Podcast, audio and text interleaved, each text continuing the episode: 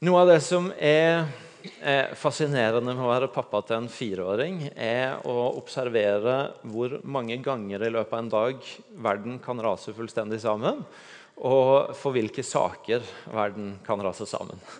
Eh, nå sist så var det både en banan som var skrelt feil, eh, at jeg åpna døra når hun skulle åpne den, og på morgenen i dag når jeg satt og ba igjennom talen, så var det feil at det var mamma som kom og vekka henne. For det var selvfølgelig jeg som skulle gjøre det. Og Da, så det er mange ting som kan føre til en fullstendig krasj. Uh, og de av dere som er foreldre, kan hende i hvert fall noen av dere har vært borti det. Mange av dere har sikkert barn som ikke er sånn i det hele tatt. Men det Ja. etter hvert som vi vokser opp, så, så raser kanskje ikke verden sammen like lett. Men Eh, allikevel så kan vi alle kanskje få litt større saker. Selv om jeg skal være ærlig og si at noen ganger så kan min verden nå rase ha litt lavt blodsukker. altså jeg skal innrømme det.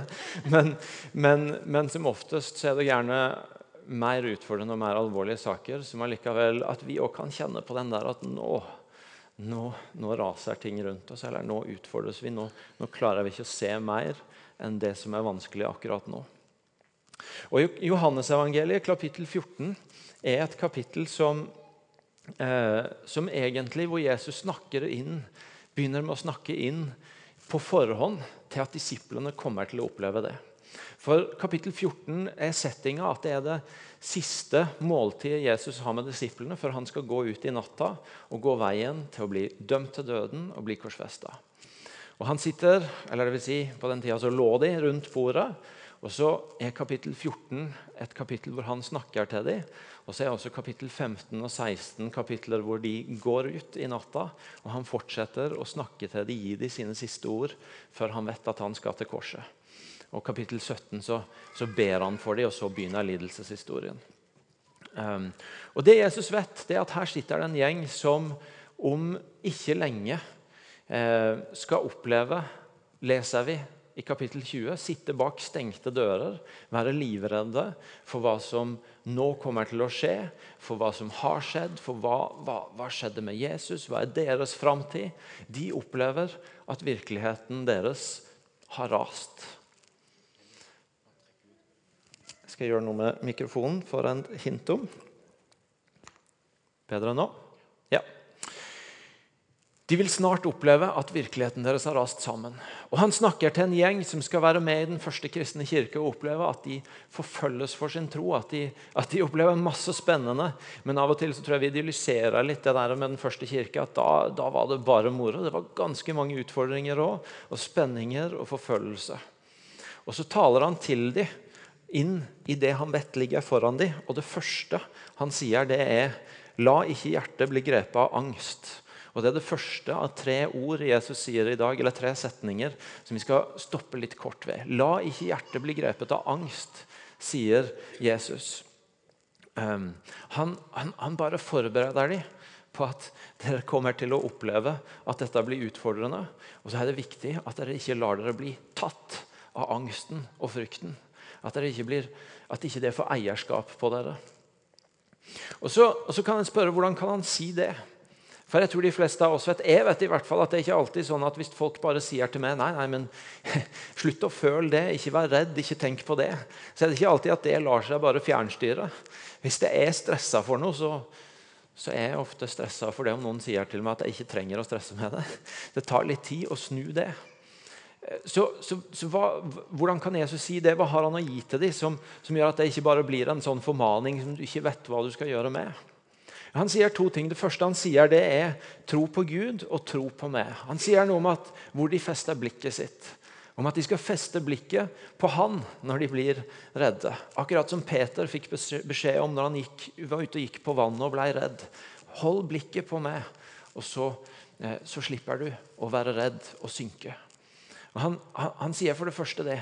Pass på hvor du fester blikket ditt når disse tingene skjer. Når denne frykten og de tingene som får virkeligheten rundt deg til å rase. Når det kommer. Fest blikket på meg. Tro på Gud og tro på meg. Men så sier han noe annet, som eh, enda mer av det jeg ønska å, å, bare si noe kort om i dag. For han sier egentlig at jeg, jeg, jeg går til himmelen og gjør klar rom for dere. Jeg går til himmelen og gjør klar sted for dere. Han sier, i min fars hus er det mange rom. Var det ikke sånn, hadde jeg da sagt dere at jeg går og vil gjøre i stand et sted for dere. Og når jeg har gått og gjort i stand et sted for dere, så vil jeg komme tilbake og ta dere til meg, så dere skal være der jeg er. Og dit jeg går, vet dere veien. Jeg går for å gjøre i stand et sted for dere, og så vil jeg komme tilbake og ta dere til meg. Jesus snakker til dem om evigheten, om at det er mer, livet er mer enn de tingene de kommer til å erfare her og nå. Men han går for å gjøre i stand et sted i himmelen som gjør at de kan få ha et helt annet blikk over livet sitt enn bare det som skjer her og nå. Og det er det kristne håpet som er så viktig for oss å ikke gå glipp av når vi skal leve som Jesus-etterfølgere, også flere tusen år etter disse. Dette at vi har en himmel over livet vårt som gjør at når vi kommer i de situasjonene hvor det føles som om nå raser det, eller nå vet jeg ikke veien ut, eller jeg vet ikke om det kan komme en fortsettelse etter dette, så, så er det faktisk et budskap fra Jesus som sier at dere kan vite at dette er ikke slutten. Det er mer til historien enn det du opplever her og nå. Du har en helt annen linje over livet ditt. Et helt annet perspektiv. Fordi du vet at på en måte Det er ikke det at livet her og nå er ubetydelig. Men det står allikevel Paulus skriver et sted at vårt borgerskap er i himmelen. Vi, vår, vårt statsborgerskap er i himmelen. Og Det betyr at Jesus han kom ikke bare for å frelse oss fra det som ble galt i fortida vår, men han kom for å gi oss ei framtid som går lengre enn til livet her og nå. For ei tid tilbake så satt jeg med eh, et par mennesker hvor den ene av dem gjorde seg klar til å møte døden. Og De fortalte om hvordan mange av de tingene som hadde vært store, og som hadde hatt en plass i livet, på, på et vis bare ble litt sånn tatt bort. Det var ikke så viktig lenger, og det fikk ikke den plassen. Og det, det besto på mange måter ikke i møte med døden. Men så sa de men vi merker at det er noen ting som blir stående. Og en av de tinga, det var håpet. Det var vissheten om at dette er ikke slutten. Men, men jeg skal til Jesus. Jeg skal til himmelen.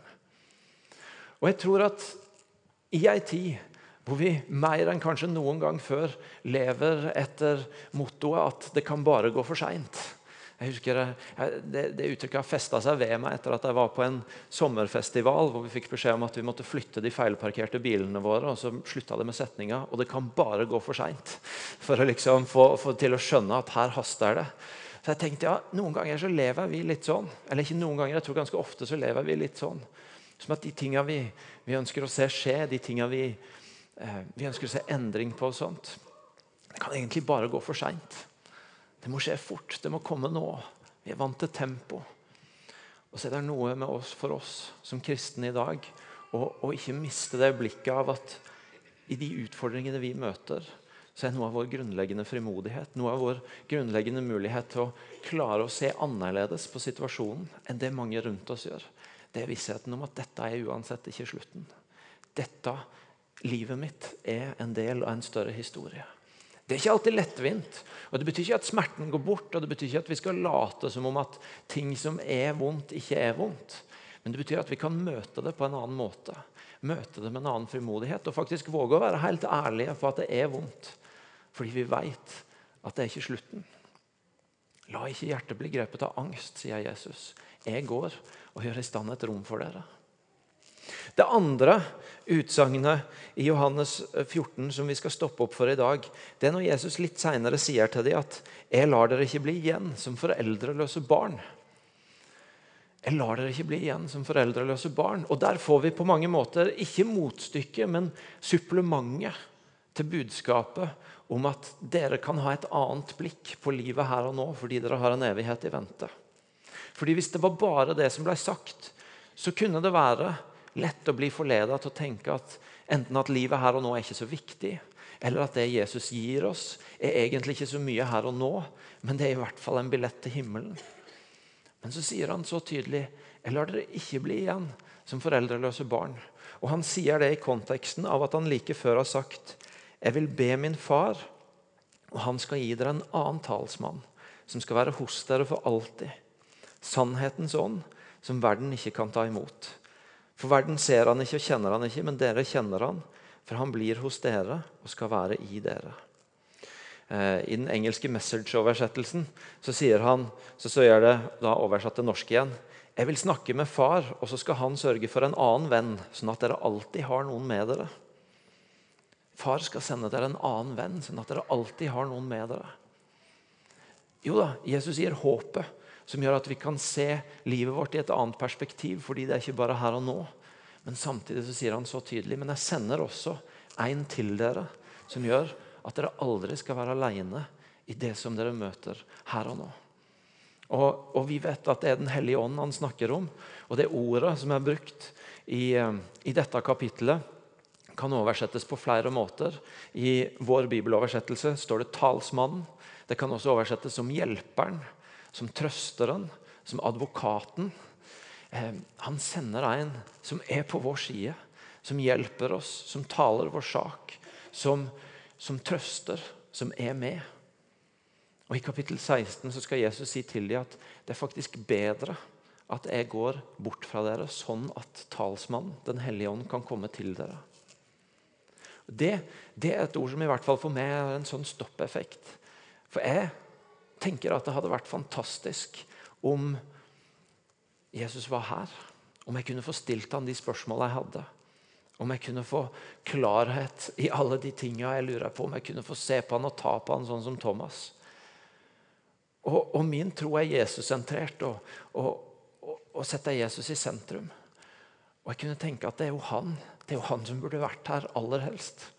Og så sier Jesus det er faktisk bedre for dere at jeg ikke er her, sånn at jeg kan sende Den hellige ånd, og han kan være hos dere.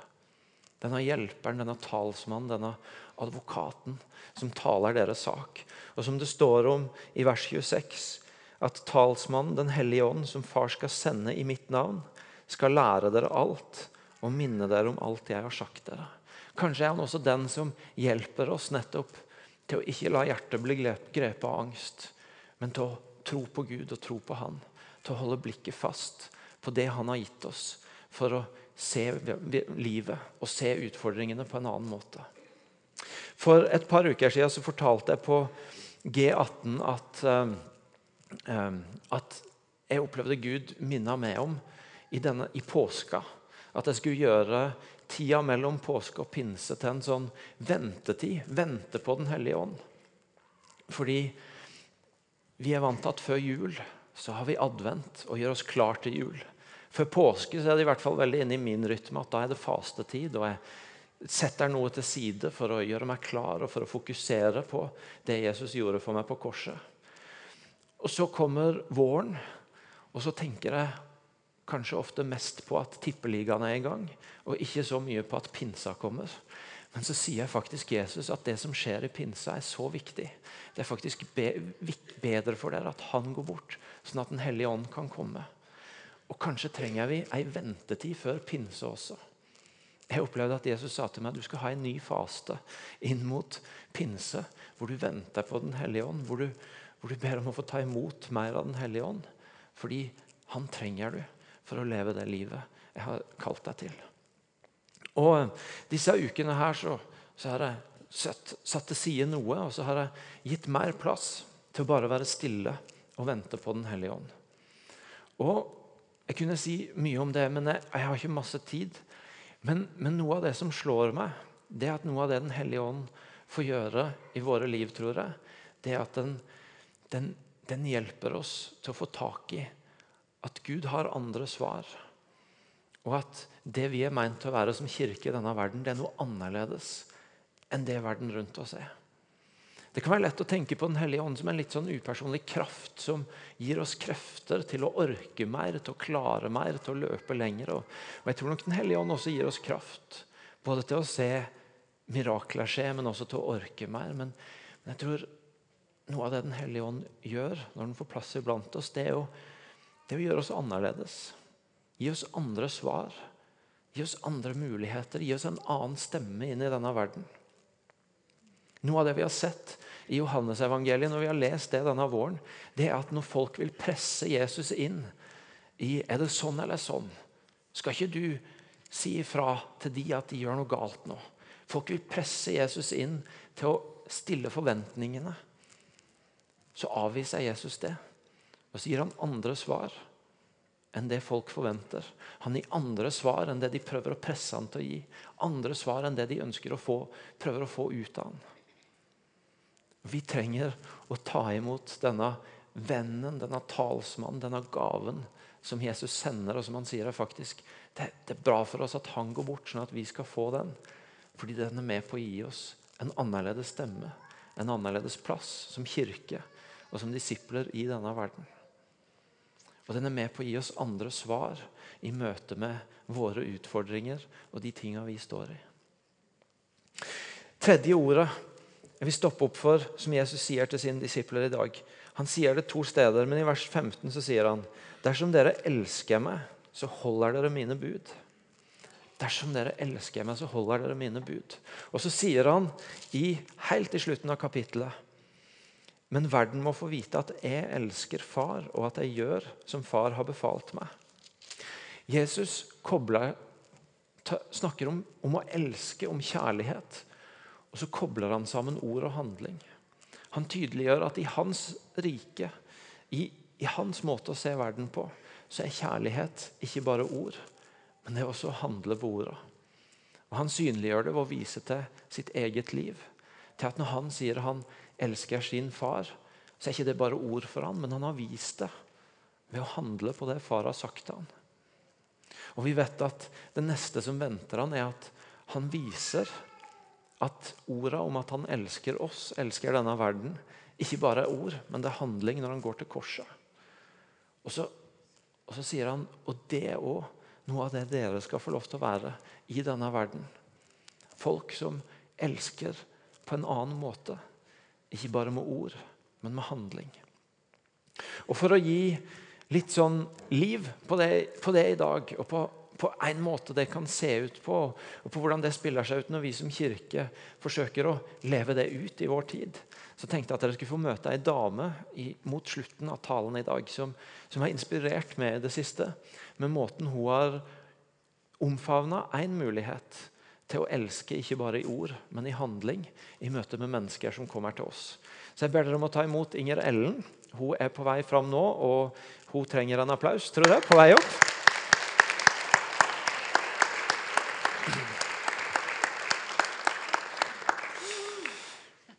Veldig bra, Inger Ellen. Eh, hun har sagt at eh, du må bare sette meg i gang, og så må du ikke avbryte for mye. så Inger Ellen, du, vi har engasjert oss i Vi vil hjelpe siden i høst. Eh, og vi har engasjert oss fordi vi ønsker å være for mennesker som kommer til vårt land, og ikke bare si at vi vil det godt, men å vise det. Fortell litt om hvordan det har sett ut i ditt liv.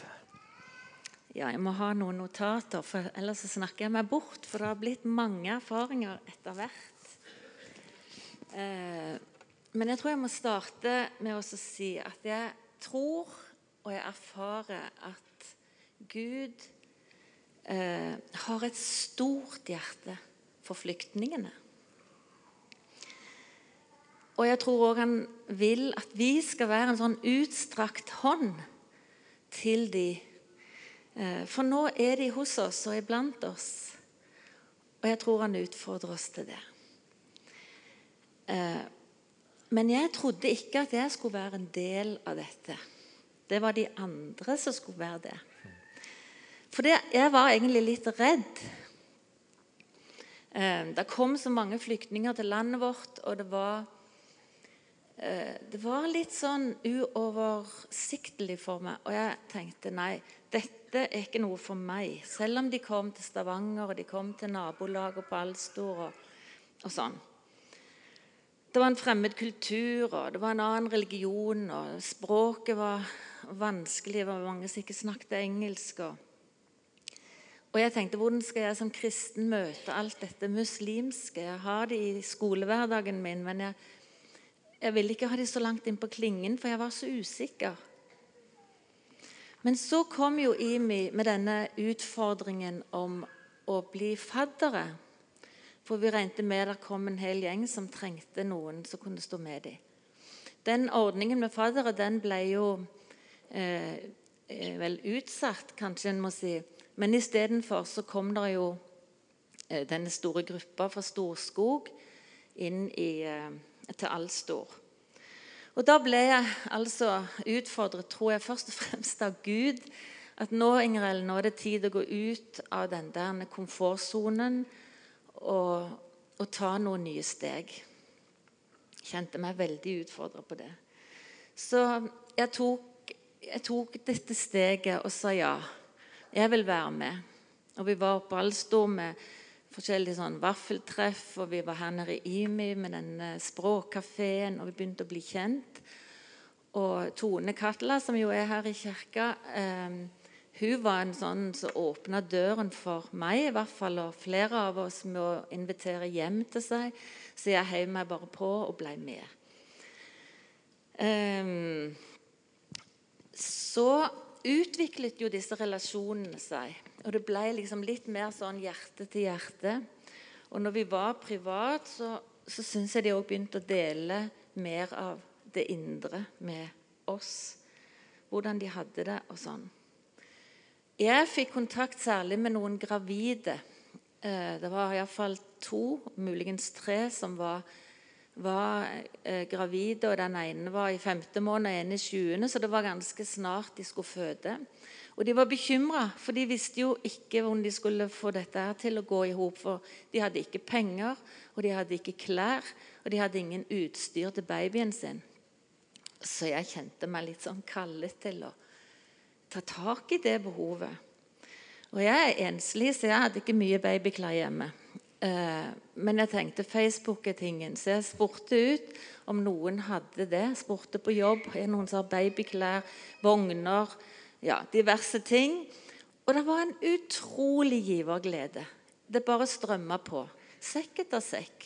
Så jeg tenkte ok, jeg må se hva som passer, og så får vi eh, fordele det til de som er gravide, og som skal føde. Eh, så ble det jo til at vi forflyttet oss jo fra Alstor og ut til Forus. Og på Forus der var det jo mye mer eh, sånn, sikkerhetstiltak. Det var vanskelig å komme inn der. og Dermed så måtte vi ta de ut. Og det var ikke bare meg, nei. Det har vært mange både her fra menigheten og andre steder som har vært med å hjelpe der. Men jeg eh, jeg tok de nå med ut på forskjellige ting. Ut på byen. Vi var på Viten, eh, hva heter det, Vitenfabrikken ute på Sandnes. og eh, var på all slags senter her og der. Og etter hvert så vågte jeg òg å invitere hjem. Men så var det disse gravide, og hun ene hun skulle føde, og hun har født. Og hun inviterte meg inn i den situasjonen. Om ikke jeg kunne være den næreste, som hun liksom sa. Eh, være en støtte når hun var, hadde født. Og ja, ja, det har jo ikke jeg spesielt mye erfaring med, men jeg, eh, jeg tenkte OK. Så jeg var på sykehuset dag etter dag så lenge hun var der, og hadde med det som hun trengte. Men det som var så fantastisk, det var det at hun sier for nå trenger jeg en mamma. Jeg trenger en mor. Og barnet mitt trenger en mormor. Ehm, jeg ble tante, og så trengte de noen gode venner som bare var der. Og så for meg, da, som ikke har verken, er verken mor eller, eller har barnebarn, eller sånn, det ble en sånn stor gave å få lov å ta del. Skifte på bleier og gi litt sånn melk på flaske. og eh, være der og være en støtte. Det var en eh, nydelig, og er en nydelig opplevelse. Så Hun heter Nasma, hun lille her. Og så sier moren sånn 'Nasma savner deg sånn.' Og så må vi møtes. Det skal jeg nå like etterpå. Um, så hadde jeg de hjemme hos meg en del ganger, og det har blitt veldig mange etter hvert. Um, og når jeg er hjemme, så pleier jeg ofte å be for maten og takke Gud for det. Og så tenkte jeg hva gjør jeg nå? Nå har jeg en gjeng med, med muslimer der. så sa jeg rett og slett bare til dem at jammen Um, nå er jo jeg kristen, og dere er muslimer. Og jeg pleier å be for maten. Spør om det er greit. Kan jeg få lov å bare be en enkel bønn for maten og for dere? Og ja, det måtte jeg bare gjøre. Så jeg gjorde det. Og denne dagen så var det for noen som, som ikke trivdes på, på Forus så veldig godt. Det var jo oppi 900 folk der ute, og kaotisk var det i starten. De ønsket veldig til et mindre mottak. Så jeg, ber om det. Jeg ber om at de skal få komme et mindre sted. Og så ba jeg for maten. Eh, så går det 14 dager ca., og så kommer jeg ut til Forus igjen. Da har de altså fått beskjed at de skal forflyttes til et lite mottak oppe i Sauda. Og Da kommer moren Dette var en familie på fire.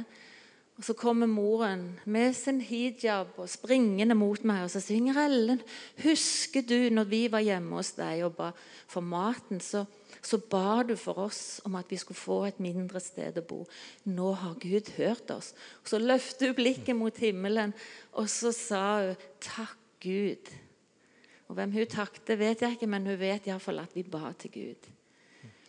Så dro nå de til Sauda, og noen av oss vi var etter en stund oppe og besøkte de der oppe. Og det var stor sjenerøsitet ifra de. Så jeg var nesten beskjemma, for de var så nydelige. Og så stolt hadde de lagd libanesisk mat til oss og, og serverte oss. Og vi var der et døgn. Og jeg tror det betydde mye for deg. Der oppe fikk jeg altså tittelen 'second mommy'. For du hadde jo en mamma der, men jeg skulle være 'the second mommy'. Så det er ganske stilig å få være mamma når du egentlig ikke er det. Um, skal jeg bare skyte inn at du må nærme deg en avrunding uten å ja. avspore deg. uh, det er to ting jeg har lyst til å si til slutt. Altså To historier. Det ene var når vi var hjemme hos meg. Uh, jeg hadde invitert uh, Hun som hadde født med barn, for dette, hun var så sliten. Og jeg ba dem til å overnatte fordi jeg tenkte det er et nytt steg for meg, men det trodde jeg hun trengte, og spurte om det. Jo, det hadde hun veldig lyst til. Så hun sa ja til det. Ti minutter etter hun hadde sagt ja, så ringer det i, eller meldes det, så sier hun sånn Du, eh, kan eh, en til da som er gravid, kan hun òg få være med? Så tenkte jeg ja, hvor mange senger har jeg igjen? Men jeg har en madrass. Jo, jo så er det greit. Bare kom. Og så gikk det ti minutter til, og da var det en til. Og Det var en som hadde mista sitt barn og var veldig lei seg. Så sier hun kan, du, kan, jeg, kan hun òg få komme. Så tenkte jeg nei, det kan hun ikke, for jeg har ikke, har ikke, så mye plass. Men det endte nå opp til slutt om at tre stykk pluss baby kom til overnatting. Og så ser du at eh, vi spilte og vi koste oss og hadde det veldig kjekt den kvelden. Så gikk jeg og la meg når klokken var sånn rundt tolv. Da sier jeg nå orker ikke jeg mer. Så dere kan gå først på badet, sier jeg. Nei, de hadde ikke tenkt å legge seg. Uh, nei vel, sier jeg, men nå går jeg. Og det skal være rolig. Fordi jeg bor i blokk. Ok, så, Og så sier de du, kan vi få lage en deig? Altså, de ville bake. Eh, nå? Ja, det var nå. Og så fikk de alle ingrediensene, og så og så gikk jeg og la meg, så sier jeg så, ja, så kan, dere, kan du få sånn ferske rundstykker i morgen tidlig. Ok. Så jeg gikk og la meg. Så midt på natten så kjente jeg det var en sånn nydelig bakelukt. Og så da hadde de bakt eh, små pizzasåndringer og horn med ost i, og skikkelig bra. Så jeg fikk den frokosten, vet du. Men så sier jeg, 'Hvor tid var det dere gikk og la dere?' Nei, du skjønner, vi ble så sultne, så vi, så vi lagde noe spagetti etterpå. Og så spilte vi det kjekke spillet du hadde lært oss. Så de hadde gått i seng klokken seks. Men det store med dette, det var det at de sa This is my home, sier hun ene. This is my home. Og jeg tenkte med glede. Tenk altså å få lov å bare gi litt slipp på kontrollen, og så, og så har de en opplevelse av at de har kommet hjem. Og så til slutt Det er det siste jeg skal si. Det er bare én bitte liten ting. Fordi at det, det, Det var nå forrige søndag. Um, da hadde vi besøk av disse to som, eller noen av de som var i Sauda, og de kom. Og så har jeg noen naboer eh, som hadde så lyst til å bli kjent med, med, noen flyktninger. Og Så tenkte jeg ok, jeg inviterer noen naboer inn oppgangen min. og Det var en far og en sønn på rundt 14. Og da skulle vi ha sam, ja, samles på, på, kvelden der. Eh, og denne sønnen han var veldig engstelig for dette med flyktninger. Og var negativ og var fryktsom. Men så hadde faren sagt kan du ikke bare bli med og hilse på dem. Så han kom sammen med faren og, og hilste på dem og satte seg ned. og Vi spiste og hygde oss, men så sier faren nå må du gå opp og gjøre lekser. Så han for opp. Kort tid etterpå var ferdig med leksene, så kom han ned igjen. Og så var han sammen med oss hele kvelden. Etterpå så sier faren til, til, eh, til meg at Vet du hva? Han her, Sønnen han sier 'Herlighet, de er jo helt vanlige mennesker', sier han. Og han hadde på en måte en sånn fremmedfrykt i seg, men den forsvant og han skjønte at det gikk an å være både ikke-kristen, kristen og muslim sammen på en trygg og god måte. Så dette har berika mitt liv. Det er fantastisk. Det er en gave å få lov å være med og bety en forskjell eh, for noen mennesker. Så har du mulighet til å være med i det, så er det mange, mange muligheter. Da kommer vi snart 300 nye eh, ute på Forus, så det er mange, mange sjanser. Takk. Nydelig. Takk skal du ha. Takk, Ingrid.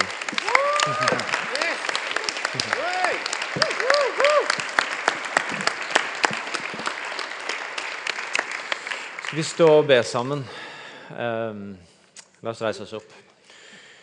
Jesus inviterer oss til et annerledes liv, til å være kirke og disipler som er annerledes folk. Men ikke ved at vi skal gjøre en masse greier, men ved noe han gir oss.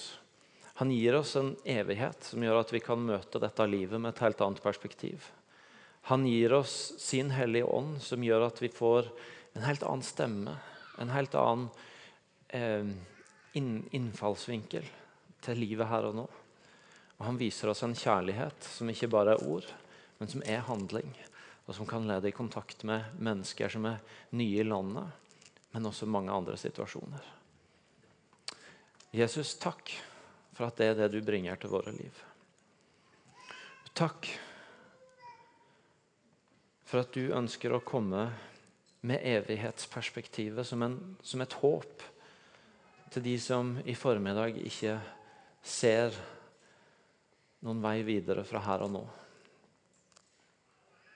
Takk for at du kommer med din ånd og er en talsmann, en hjelper, en trøster til de som trenger andre stemmer og andre alternativer inn i det de står i akkurat nå. Og Takk for at du viser oss alle en kjærlighet som er annerledes, fordi den ikke bare snakker, men den handler. Takk for at vi får ta den imot. Hjelp oss til å gi den videre. Jeg inviterer Deg, Hellige Ånd, et lite øyeblikk til å tale til oss om hvordan du ønsker at dette skal berøre våre liv.